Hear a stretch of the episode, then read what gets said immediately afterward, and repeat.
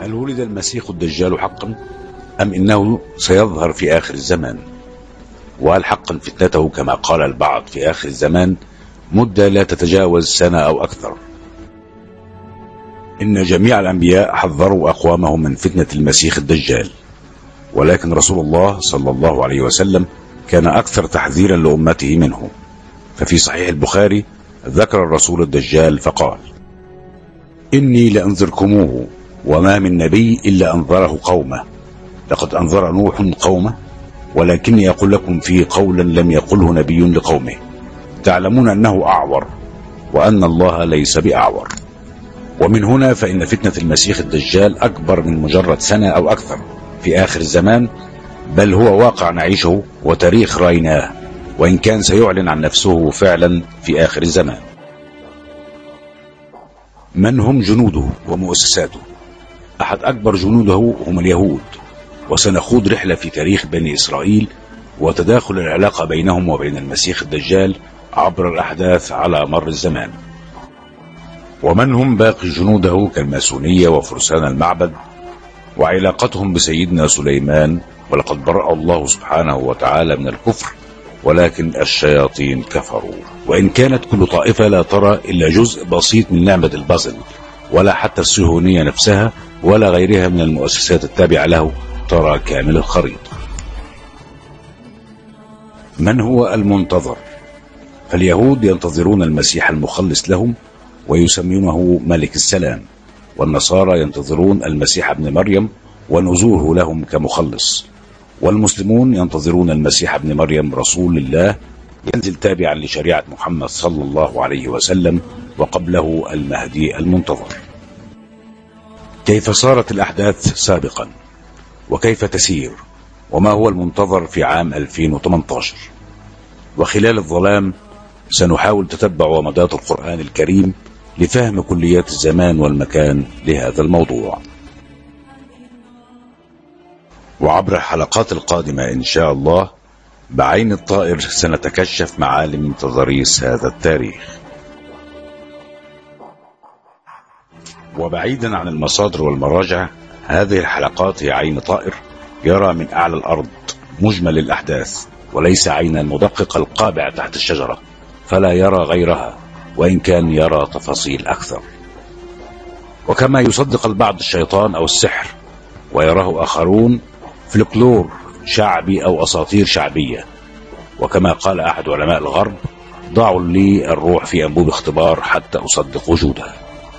قد يتفق مع البعض أو يختلف وقد يراها آخرون رواية قصيرة. ولكن كما سئل ألبرت أينشتاين عن صحة نظرية النسبية قال إن الجمال هو المقياس الأول أو ما يبدو صحيحا فهو صحيح.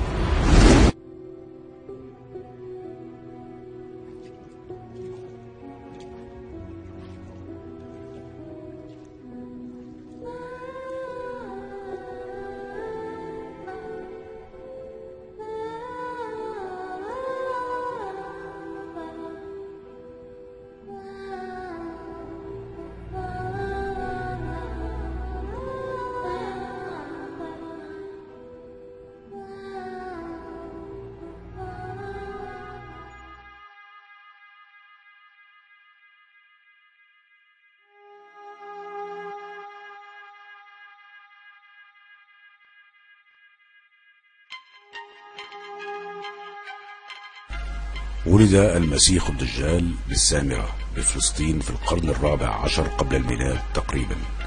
وحمله جبريل الأمين إلى جزيرة في بحر اليمن حيث ربته الدابة التي سوف تخرج في آخر الزمان. وأدرك الفتى مدى قوته ورأى عجائب من أثار جبريل عليه السلام في إحياء الموتى. وكان هناك أمامه خياران إما أن يكون عبدا شكورا لله كما علمته الدابة أو يكون هو الإله ويخضع له الجميع. فيا ترى ماذا اختار؟ ثم خرج من الجزيرة إلى أرض الله الواسعة محتفظا معه بآثار جبريل عليه السلام.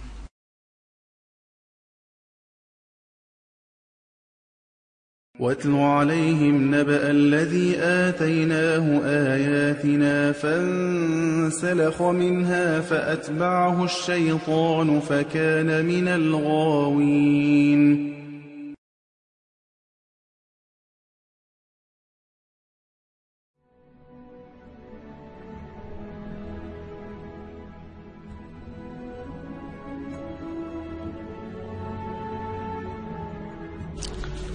ولد موسى عليه السلام بعد يوسف عليه السلام بحوالي نصف قرن. وخلال القرن الثالث عشر قبل الميلاد تقريبا زاد اضطهاد فرعون لبني إسرائيل فترة طويلة. ولا هم نسوا الرب ولا الرب نسيهم. طلب موسى عليه السلام من فرعون خروج بني إسرائيل معه. وبعد آيات بينات من الله سبحانه وتعالى خرج موسى ومعه بني إسرائيل خلال البحر وانفلق البحر كالطود العظيم وغرق فرعون وجنوده. فهل يا ترى بعد العبور نجح بني إسرائيل في الوصول إلى مبتغاهم فأوحينا إلى موسى أن اضرب بعصاك البحر فانفلق. فانفلق فكان كل فرق كالطود العظيم.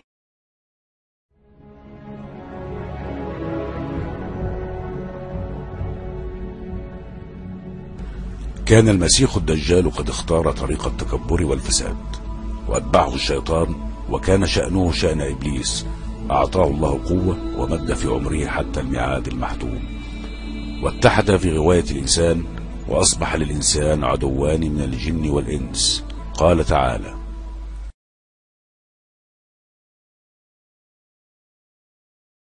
وقال الذين كفروا ربنا أرنا الذين أضلانا من الجن والإنس نجعلهما نجعلهما تحت أقدامنا ليكونا من الأسفلين.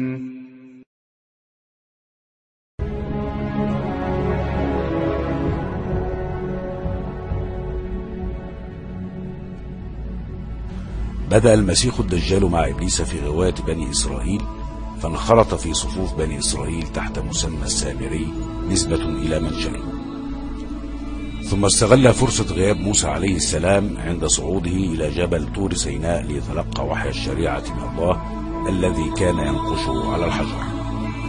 فبدأ بإغواء بني إسرائيل بعمل ثور من ذهب وألقى عليه بعض الآثار من جبريل عليه السلام التي كان محتفظا بها من الجزيرة. واستطاع أن يبعث الحياة في العجل وأصبح له خوار وللأسف عبد بني إسرائيل العجل وسجدوا له. وحكم الله عليهم بأن يقتلوا أنفسهم وكان مقتلة عظيمة وتاب الله عليهم. وبعد هذا الحدث التقى موسى بالسامري المسيح الدجال وكان يعرف قوته وحفظ الله له كإبليس إلى الميعاد المحتوم. فقال اذهب فإن لك في الحياة أن تقول لا مساس. أي أن لك مدة حياتك أن تقول ما شئت من غير أن تمس ومن غير أن يتعرض لك أحد بإساءة أو يقدر عليك.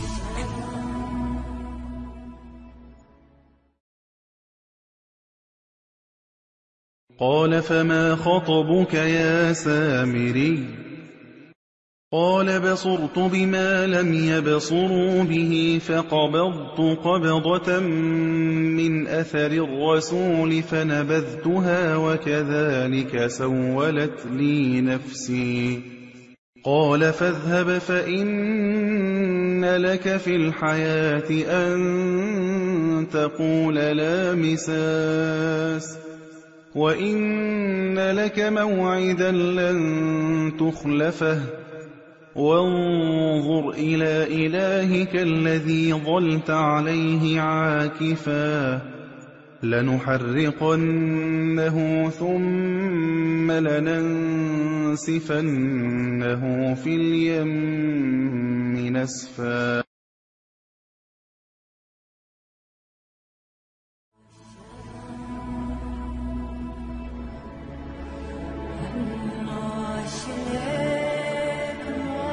كان هدف موسى عليه السلام ومعه بني إسرائيل الخروج من مصر والعبور إلى فلسطين الأرض المقدسة موطن بني إسرائيل الأصلي وموطن يعقوب ويوسف عليهما السلام. ولكن لكثرة عصيانهم الله تعالى وتخاذلهم مع موسى عليه السلام وقولهم يا موسى اذهب أنت وربك فقاتلا إنا هاهنا قاعدون. حكم الله عليهم بالتيه في سيناء أربعين سنة. ومات هارون وموسى عليهما السلام في التيه ولم يصلوا إلى فلسطين. ومن هذا الوقت وجد المسيح الدجال فرصة سانحة بعدما رأى تصرفات بني إسرائيل من عصيان وكفر. إيذاء آيات الله العظمى والمعجزة لهم فقرر استخدام بني إسرائيل كجنود ومساعدين له من وقتها وحتى الآن.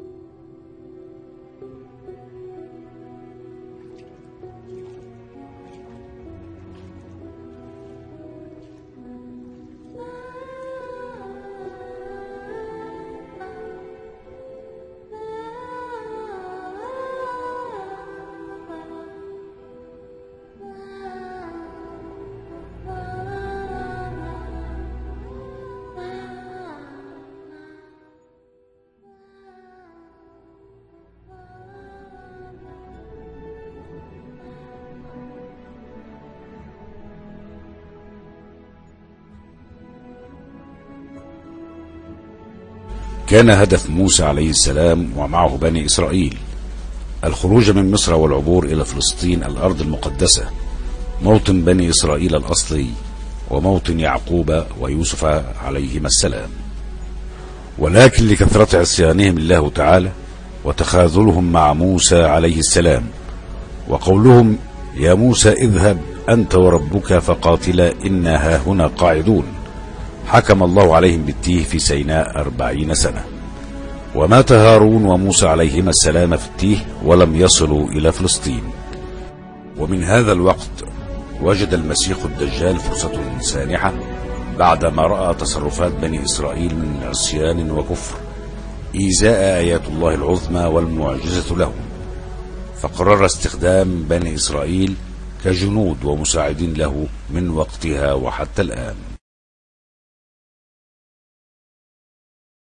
قال فإنها محرمة عليهم أربعين سنة يتيهون في الأرض فلا تأس على القوم الفاسقين.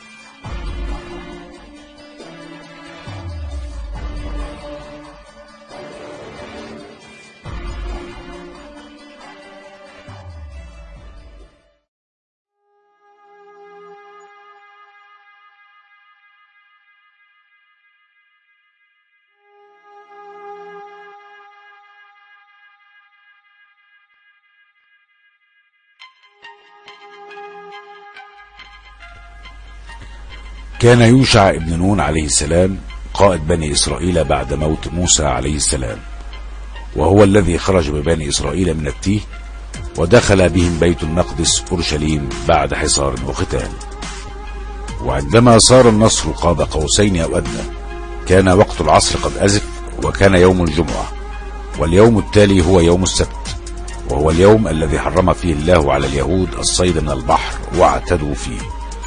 وهو يوم السبوت وعدم العمل لدى اليهود. وإن دخل عليهم المغيب لدخل يوم السبت فلا يتمكنون معه من القتال. فنظر إلى الشمس ودعا ربه بألا تغيب حتى يتم الهجوم والنصر وبقدرة الله كان له ذلك. وقد ذكره الله تعالى في القرآن بدون ذكر اسمه في قصة موسى والخضر. قال تعالى وإذ قال موسى لفتاه قال رسول الله صلى الله عليه وسلم إن الشمس لم تحدث لبشر إلا ليوشع ليالي صار إلى بيت المقدس.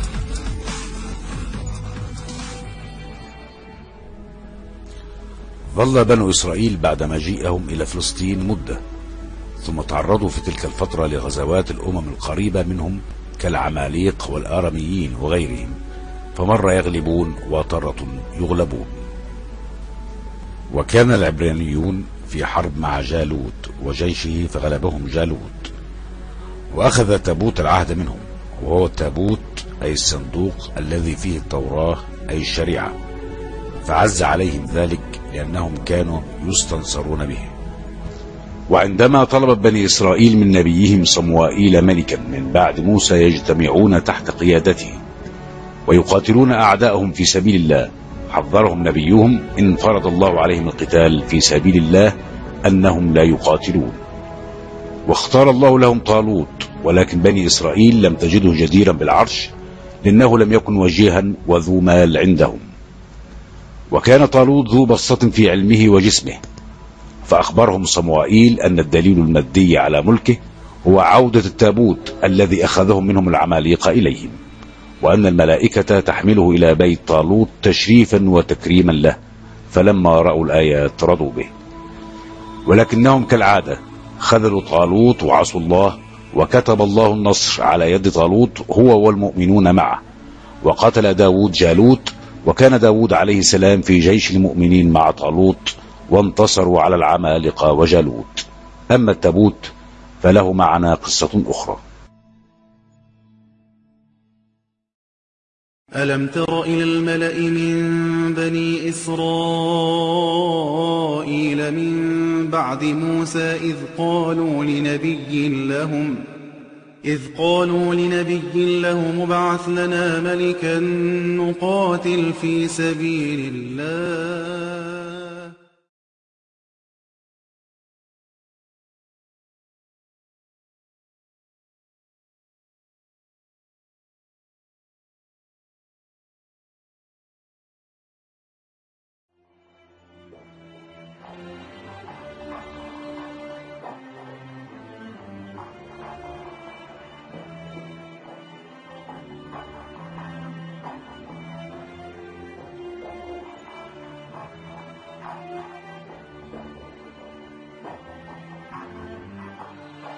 لم يتعلم ثيودور هرتزل العبرية في حياته ولم يزر فلسطين ولكنه مع ذلك المؤسس الحقيقي لدولة اليهود في فلسطين. آمن هرتزل أنه من الصلاح تنفيذ نبوءات الرب وسعى في تنفيذ نبوءات دانيال تمهيدا لنزول المسيح المخلص لليهود وسوف نشير إلى نبوءات دانيال في الحلقات القادمة إن شاء الله. دعا هرتزل إلى عقد المؤتمر الصهيوني الأول يضم ممثلين لليهودية الأوروبية بمدينة بازل بسويسرا وعقد المؤتمر بالفعل عام 1897 وانتخب هرتزل رئيسا للمؤتمر ثم رئيسا للمنظمة الصهيونية التي أعلن المؤتمر عن تكوينها.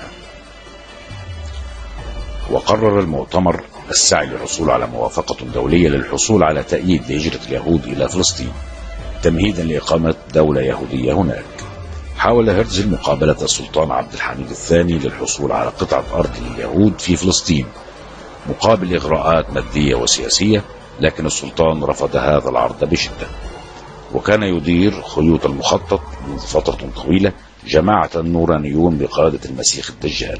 ومن هنا بدأ في التفكير في إزالة الدولة العثمانية فكيف تسنى له ذلك؟ ومن هذا التاريخ وبداية العلو الثاني لبني إسرائيل ولقد أشار القرآن الكريم لعلو بني إسرائيل وفسادهم مرتين. وسوف نتتبع الخطوات السابقة واللاحقة. لذلك إن شاء الله فدعونا نكمل. وقضينا إلى بني إسرائيل في الكتاب لتفسدن في الأرض مرتين ولتعلن علوا كبيرا.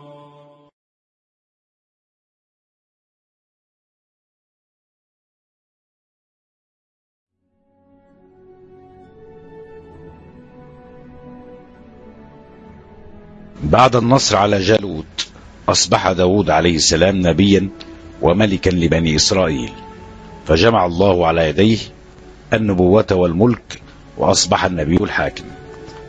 وأكرمه الله بعدة معجزات فلقد أنزل عليه الزبور أي المزامير وآتينا داود زبورا. ولقد عرف داود على أنه كاتب معظم المزامير التي في الكتاب المقدس. وأتاه الله جمال الصوت فكان عندما يسبح تسبح الجبال والطير معه. وألان الله في يديه الحديد وزاد الله من نعمه على داود فأعطاه الحكمة وفصل الخطاب. وشد الله ملك داود جعله الله منصورا على أعدائه دائما وجعل ملكه قويا عظيما يخيف الأعداء حتى بغير حرب. ومن هنا كانت بدايات قيام دولة بني إسرائيل العظمى. ولقد آتينا داود منا فضلا.